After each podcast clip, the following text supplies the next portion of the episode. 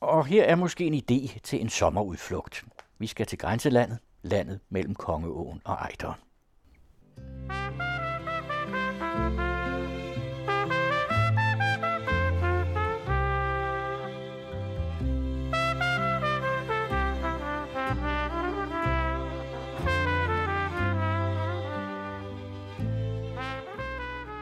Velkommen til Grænselandet, og velkommen til det andet program i serien Grænselandshistorier, der produceres med tilskud fra Grænseforeningen, og hvor jeg, Jørgen Johansen, besøger en række erindringssteder mellem Kongeåen og Ejderen sammen med Finn Slumstrup. Hedeby eller Heithabu var Nordens første storby.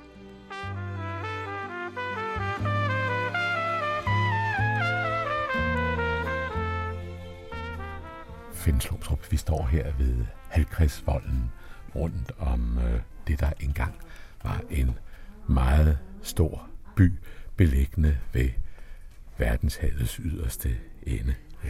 Det er svært at forestille sig, når man står ja, det er meget svært at forestille sig, men det er rigtigt, at det var der en uh, arabisk historiker, der skrev i midten af 900-tallet, at, at det her var en meget stor by, beliggende ved verdenshavets yderste rand.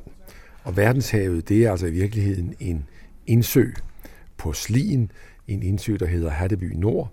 Øh, og her anlagde frisiske købmænd en gang i 700-tallet en bebyggelse, og den fik så faktisk meget, meget stor betydning. Øh, vi står heroppe på, på halvkredsvolden, som man tydeligt kan mærke i landskabet, øh, og bag ved halvkredsvolden, eller foran, må vi kan sige, halvkredsvolden, er der altså et 26 hektar stort område. Det ser jo i dag uendelig landligt ud. Der er ikke meget by her, bortset fra, at der nede i øh, landskabet altså ligger nogle, nogle vikingehuse, som man må forestille sig, de har set ud, som er en del af Vikingemuseet her i øh, Hedeby, eller Heitabu, som det også hedder. Ja, og det, det er jo simpelthen markeringen af det, der var en by med plankegader og huse med forhaver liggende ud til gaderne. Ja. Øh, hvad har der været af indbyggere? Der har været måske 1000 mennesker eller noget i den retning, ja, når, når, når der har været... Når der har gået højst. Ja. ja. Øh, og det har været alligevel inddelt med forskellige kvarterer, ja. hvor købmændene og dem, der havde skibe, der sejlede på fremmede have, ja. både tættest ved havnen og, og sådan bagved ja der lå øh, så stræderne med de forskellige håndværkere. Og, og hvor, hvor vigtigt et sted det er, kan jo også ses af, at det, det allerførste, man passerer egentlig på vej til museet, et par hundrede meter før museet, står der en meget smuk øh, stensøjle med indskrift på tre sprog, på latin og på tysk og på dansk, som minder om, at Ansgar opretter en kirke her, øh, og der er en meget glad inskription, at øh, takket være Ansgars komme øh, i 900 og, var der 948 eller sådan noget, da, da aflagde de så øh, overtroen og gav sig til at tilbede Herren, og der blev stor glæde på dette sted, som der står. Men vi er jo altså i vikingetiden, øh, så der var selvfølgelig også Odin og, og Thor og alt det der, den gamle nordiske gudedyrkelse, var garanteret også den kan man så sige, den afspejles måske i dag, at restauranten over på den anden side af landevejen hedder Odins Biergarten. Så, så er vi sådan nede på jorden, må man sige. Men, men det har været, det er svært at forestille sig i dag, hvor det er så fredeligt og landligt, at det efter datidens forhold har været et sted, der har myldret med aktivitet. Et fantastisk kryds, som er anlagt her, fordi det her, øh, der er kortest tværs over, simpelthen tværs over øst-vest-retning, over til vand på den anden side. Øh, og samtidig er vi jo 3-4 kilometer fra, fra Dannevirke. Så det er her øh, krydset nord-syd, øst-vest har foregået rent handelsmæssigt. Og derfor har det selvfølgelig også været der, at tidens strømninger øh, har været. Derfor selvfølgelig også her må Ansgar også op øh, og, og sprede det nye gode budskab om den nye Gud, der var, som vi jo ved i starten, nærmest bliver fremstillet som en sejrende vikingedrot osv. videre, Ikke? Og ellers er det selvfølgelig en meget sammentrængt beskrivelse af forløbet, som vel i virkeligheden strækker sig over ja, flere hundrede år, hvor man har alle mulige blandingsformer, som man måske også, når vi om lidt kommer ind på selve museet, kan se. Ikke? Jo. Men, men øh, der bliver anlagt kirke i Hedeby. Det bliver der også, ja. Og jeg er sikker på, at der bliver dyrket Odin og Thor samtidig. Øh, for det har været en lang proces. Øh, Hedeby som et meget vigtigt sted er noget, der strækker sig over op imod 300 år. Grundlagt øh, en gang i 700-tallet, og først lidt efter år 1000, så begynder så centrum at glide over på den anden side af slien. Altså vi kan jo, vi kan jo faktisk se øh, også over til der, hvor Slesvig ligger i dag. Øh, og det hænger jo sammen med, at man altså får større skibe, man bliver dygtigere, og så går man altså ud af det, af det øh, mere flade Hadeby Nord og ind i Slien, hvor der ganske simpelt er dybere, og der kan være større skibe. Og så flytter den sig altså over på den anden bred, fordi det er jo på Sliens øh, nordbred, øh, Slesvig så bliver anlagt og begynder at skyde op for alvor fra omkring år 1000. Selve Hedeby her, det er sådan set det første tilløb til en, ja, til en storby i Norden og, og Danmark. Det er der ingen tvivl om. Det er den første store øh, bebyggelse. Den hænger jo i dag også sammen med, med øh, Dannevirke på en anden måde, nemlig at Hedeby jo også indgår i den store ansøgning, der arbejdes på, at der skal laves en hel vikinge mosaik inden for UNESCO's øh, verdenskulturarv. Øh, med, med herfra og op i Danmark med, med Trejleborg og Fyrkat og, og videre op til Norge øh, og helt op til Island med, med Altingsletten. Øh, så det er et stort projekt, der der kører. Vikinge Erbe, som det hedder på, på tysk hernede. Det, der er tale om, er i virkeligheden, Øh, vi hørte Nis Hart fortælle om det, da vi havde øh, vores udsendelse, hvor vi var over besøg ham over på Dannevirke. Øh, Nis antydede det sådan. Men sagen er jo den, at de enkelte lande har så mange ønsker om enestående ting, de har, de mener, der skal på UNESCO-kulturarven. Så, så det har lange udsigter. Men her et virkelig tværnationalt projekt. Det, det er noget nyt og anderledes. Øh, fordi det i virkeligheden altså er en helt kulturperiodes vigtigste øh, områder, man vil have med under UNESCO. Så ja, det, de er meget optimistiske, og det vandrer op igen byråkratiet og lander nok med et stempel i Paris på et tidspunkt. Men hvis man vil have et indtryk af det liv, der så har udspillet sig, og det er altså stadigvæk en, altså en, en lidt fjern tanke og nogle fjerne billeder, der melder sig af trængslen nede på ja. det her stykke jord, der ligger inden for halvkredsvolden. Men hvis man, hvis man vil have et indtryk af det liv, der udfolder sig, så er det i virkeligheden inde på museet, der ja. ligger her. Man skal, Eller så, man kan man også, så kan man også om sommeren, øh, fordi vikingehusene derovre, der jo mildstalt ikke er opvarmet, øh, de er jo lukket fra, fra november til og med marts.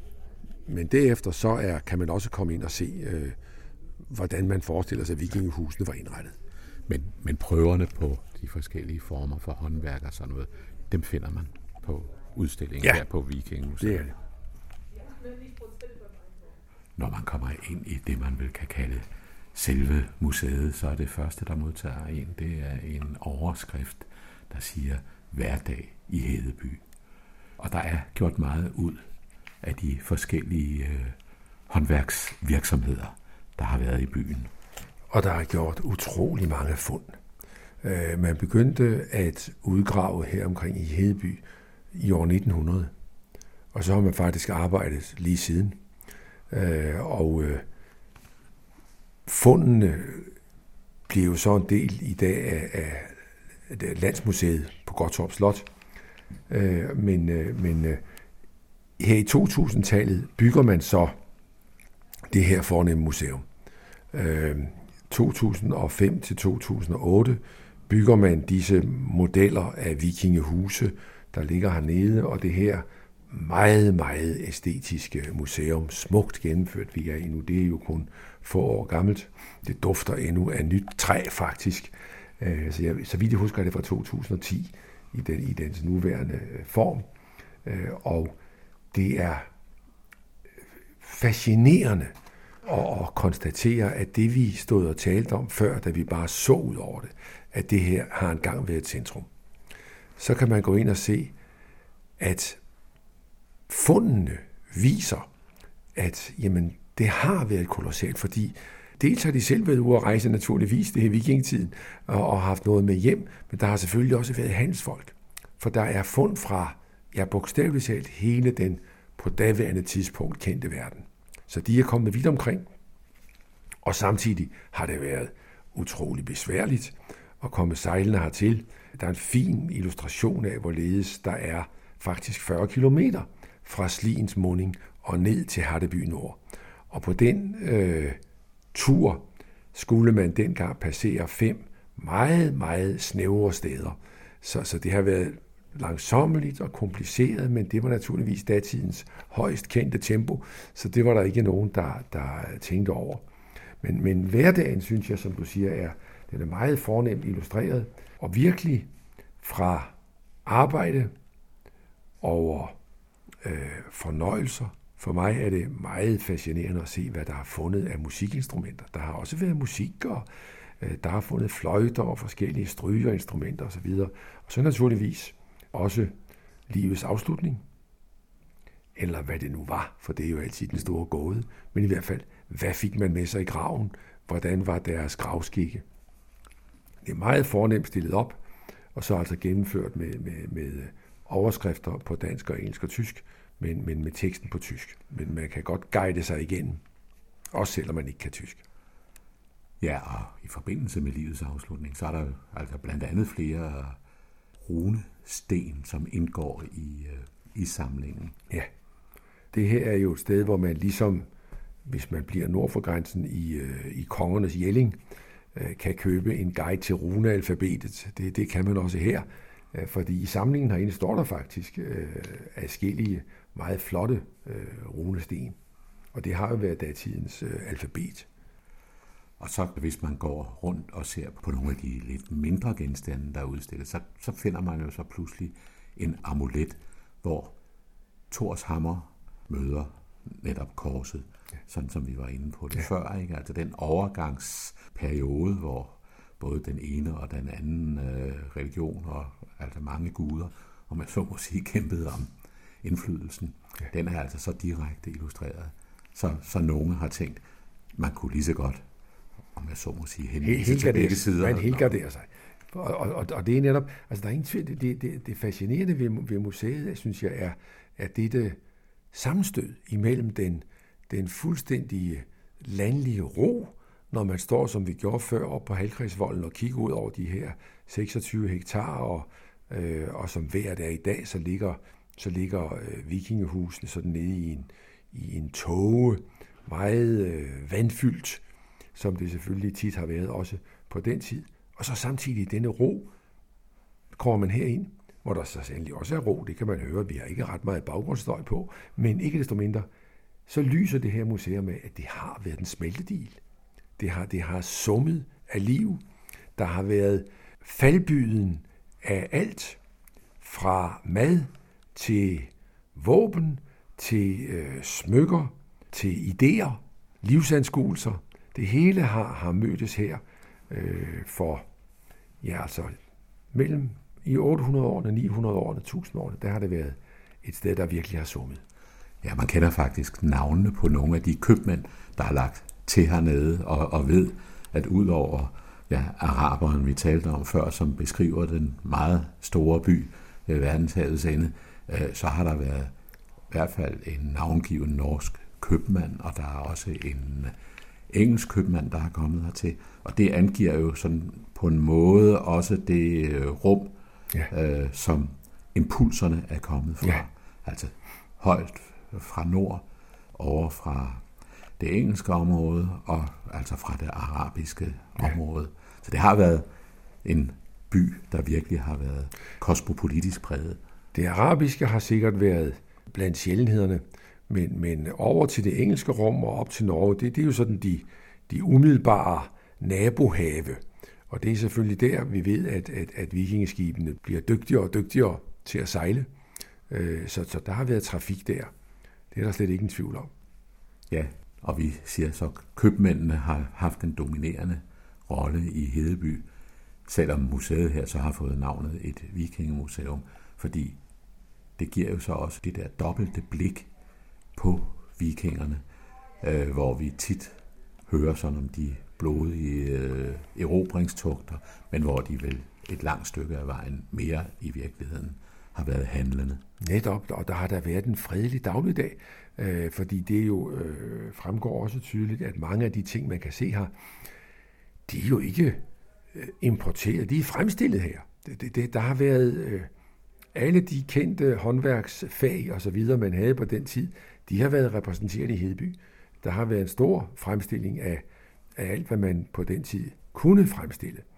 Det eneste, der, der som jeg synes egentlig bryder øh, illusionen her, det er, hvor man har gjort det, ty- vil gøre det tydeligt, at der er så øh, fotografier, store fotostater af helt oplagt nutidsmennesker i, i, i datidens kostymer. Det, det, det, det, det bryder lidt for mig og giver sådan en fornemmelse af lidt øh, teaterforestilling. Øh, og, og det er der egentlig ingen grund til, fordi genstanden er i sig selv meget øh, overbevisende. Og at det så heller ikke har været fredelig håndværk og handel det hele, det fremgår så også af de svær, der er en del af udstillingen. Men smykket på en helt formidabel måde. Ja, men altså, det, det, det var jo netop, det ved vi, det ved vi jo også fra, fra, fra de, gamle, de gamle skrifter, ikke sandt, at, at et svær kunne have en ganske særlig magisk kraft, fordi det var den smed, der havde fremstillet det. Øh, det var jo noget, hvor en smed virkelig kunne, kunne indlægge sig stor, stor fortjeneste. Det var ved at være berømt smedfremstiller. Øh, jeg kan huske, at, at, at øh, Ebbe Kløvedal Reik i sin, i sin bog om, om de første 30 fortællinger af Danmarks historien, der er det netop, der er smeden, der kan lave øh, sværet, der kan overvinde alting. Det, det, øh, den har vi. Vi har også hele den gamle historie om Uffe Hinsbage, ikke sandt, hvor den gamle blinde konge kan høre, det var skræb, der klang. Der er kun et svær, der lyder sådan der. Og, og man kan se, at, at øh, med den utrolige omhu, man har lagt i at udsmykke sværene, at, at, at det har været noget af det, det dyrebareste, øh, en mand kunne eje. Det er der slet ingen tvivl om. Men, men i den forstand er der jo ingen forskel på dengang og nu. Museer, der afspejler deres tid, de må også have fine våbensamlinger, for de har altid været der. Nu sidder vi her og ser på meget smukke øh, vikingesvær, øh, smukke, hvis vi ikke tænker på, hvad de er blevet brugt til.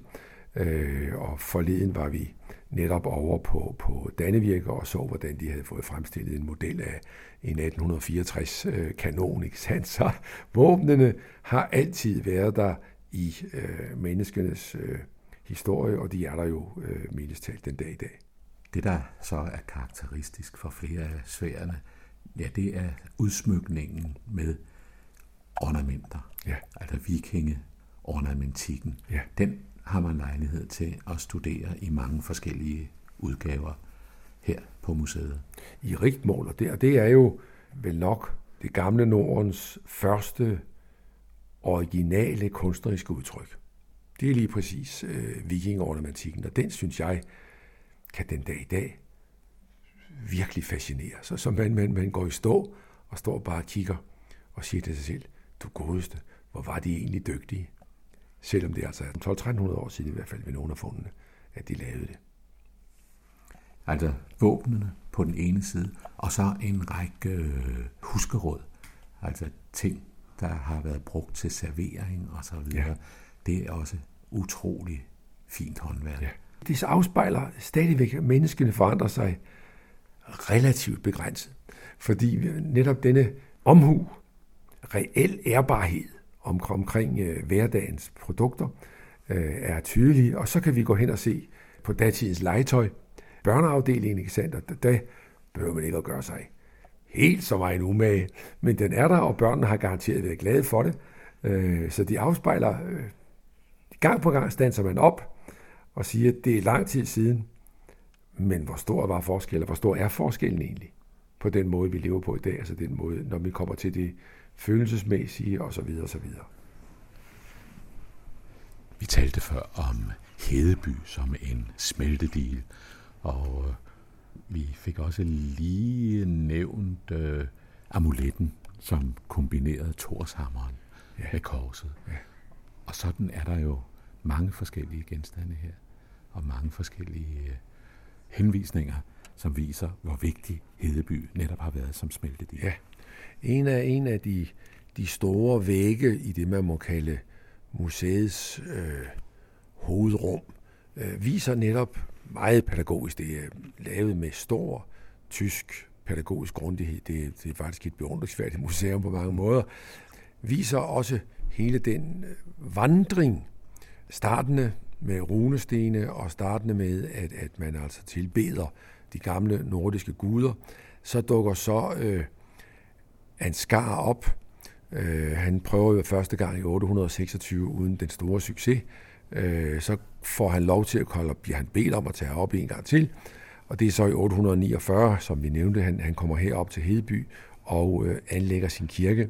Og derefter begynder tingene så at bevæge sig, således at når vi når endnu et stykke frem, så er der ikke bare kristne i Hedeby, så bliver Hedeby faktisk et bispesæde i midten af, af 900-tallet, og der begynder at blive udsendt missionærer herfra. Vi har også her et par eksempler på det, vi, vi, vi talte om før, at det har været her det hele. Man kan se, at, at Wiederkind von Corway i sin engelsk historie i 967 skriver han, at, at danskerne er kristne, øh, men de tilbeder trods alt de hedenske guder.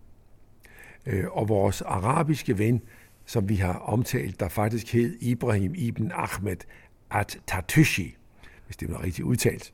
Han skriver i den der berømte rejsebeskrivelse fra 965, øh, som vi har snakket om med den store by ved, ved verdenshavets ende. Han skriver om menneskene i Hedeby. Beboerne tilbeder solen. De er Sirius tilbedere. Bortset fra et lille antal, der er kristne, og som har fået deres egen kirke. Så der kan man tydeligt se, altså, at det, det, det har ikke været til synlande noget dramatisk konfliktstof. Man må næsten læse det sådan, at, at uh, Odin øh, uh, tilbeder og, uh, og kristne har kunnet leve side om side. Naturligvis formidabelt uh, symboliseret af amuletten, uh, der sikrer sig til begge sider. Men samtidig viser den jo alligevel, hvordan der så kommer flere og flere øh, kristne symboler, og helt henne for enden står der så en klokke. En kirkeklokke, der er fundet herude i vandet, og som er øh, den ældste kirkeklokke, vi har. Den er fra det 10. århundrede, altså fra 900-tallet på et eller andet tidspunkt. Mere præcist kan man ikke rigtig sige det. Øh, men man kan samtidig stadfæste, at den, det materiale, der er, der er brugt til den, det er metal, der kommer ned fra Harzen, eller over fra Harzen. Så, så der er sådan en, en vældig smuk vandring her fra runestenene op til kirkeklokken. En vandring på et par hundrede år, det er der ingen tvivl om, hvor gradvis kristendommen så øh, sejrer. Og det er jo meget naturligt, altså vi, vi har ikke nævnt det, men det her var jo også et kongested. Det, det, det var altså et af kongens steder. Øh, og det er hernede fra, at, at der altså også øh, defineres en missionspolitik, og den udgår altså fra det, der var den største handelsplads, må så selvfølgelig også være den største tros, det største trosted. Så det bliver bispesædet, og der bliver sendt øh, missionærer afsted. Og når den danske konge, eller kongen på det tidspunkt, så også øh, altså i hvert fald ser med velvilje på, at der bygges kirke på stedet, så har det måske også haft en eller anden sammenhæng med, at det kunne være med til at gøre byen mere attraktiv at rejse til for købmænd fra den kristne del af Europa. Præcis, præcis. Og det har det på det tidspunkt, har det jo ganske givet, det kan måske være svært for os at forstå i dag, men, men på det tidspunkt har det jo været et signal om, at vi er moderne og med fremme.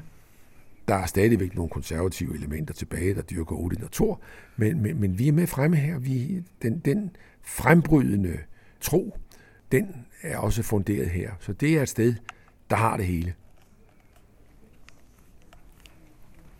Og når man går rundt her, så kan man øh, så også fordybe sig næsten i en slags stilhistorie, hvor man kan følge ornamentikkens udvikling igennem flere århundreder og får knyttet forbindelsen, ja, både op til Norge, men også til Jellinge og, og Jellingestenen for eksempel. Og det er fuldstændig rigtigt, som du siger, når man går rundt, så kan man fordybe sig. Det her er også et museum, hvor man, hvor man bare kan tage en taburet og tage med. Og det er faktisk en vældig god idé, fordi vældig mange af de genstande, der er, de er jo små. De er meget små og ligger så inde i smukt belyste øh, montre på, på væggen, og, og, og de er også øh, i en, en række tilfælde under øjenhøjde. Så det er en vældig god idé, at man kan tage sin taburet med og sætte sig ned og studere. Øh, og, og det, de har lavet ved den væg, vi her har sat os foran, det er netop øh, for det første dette, hvad var kunstens vigtigste motiv? Og det var dyrefremstillinger. Dyrefremstillinger afspejler den øh, stiludvikling, der øh, foregår, øh, og på væggen her har man jo lige frem været så grundig, at man kan se, at en stil varer 50-75 år, så, så kommer der en ny udvikling. Vi har her i alt faktisk 300 års stil belyst inden for, hvor lang er den? Vi har 4 meter eller sådan noget, øh, fra 800-tallet til 1100-tallet. Og der kan man se, at den øh, vikingeornamentik, som vi talte om før, den starter jo relativt groft, i hvert fald sagt på baggrund af, hvad den blev til. Så starter den relativt groft i 800-tallet. Men når vi så kommer op omkring år 1000, så er de blevet fabelagtigt dygtige faktisk. Så, så snor det og, og, og, og svinger sig afsted i ganske fine former, og det er jo altså øh, det er jo guldsmeden, det er guldsmeden, der kan lave de mest øh, forrygende, fine fremstillinger. Ja, guldsmed og, og, og jo i virkeligheden også træskærerne. Ikke? Der er et andet sted, er der, er der en, en, en meget udmærket montre om, hvordan det starter. En hver kan snitte, står der. Der er heller ingen tvivl om, at, at det har fra et meget tidligt tidspunkt har det været noget, det, det ved man jo fra, man kan huske det fra man selv var dreng. Altså at få en kniv, ikke sandt? Og vi kan menes øh, Johannes V. Jensen som dreng skar skibe, ikke sandt? Altså det der, når en dreng får en kniv i hånden, det er der noget helt særligt ved.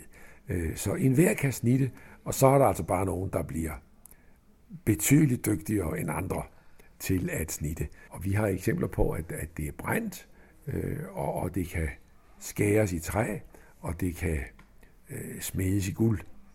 Øh, men det er det samme, der sker, at man bliver dygtigere og dygtigere. Øh, man kan se, at, at, at trævarerne, eller træmesterværkerne, øh, det er jo ikke mindst fra den norske del.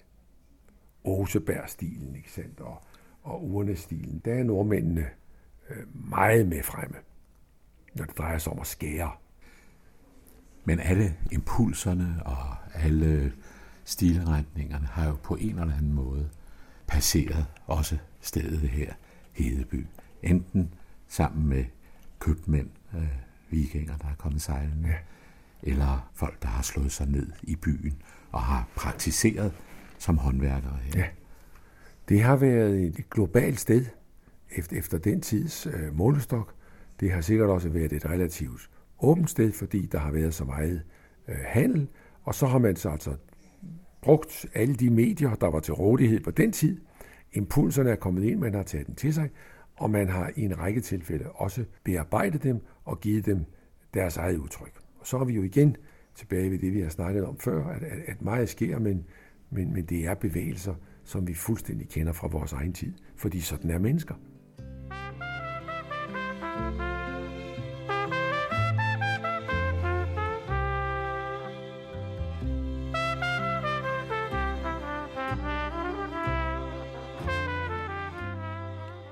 Hørte Finn Slumstrup i samtale med Jørgen Johansen.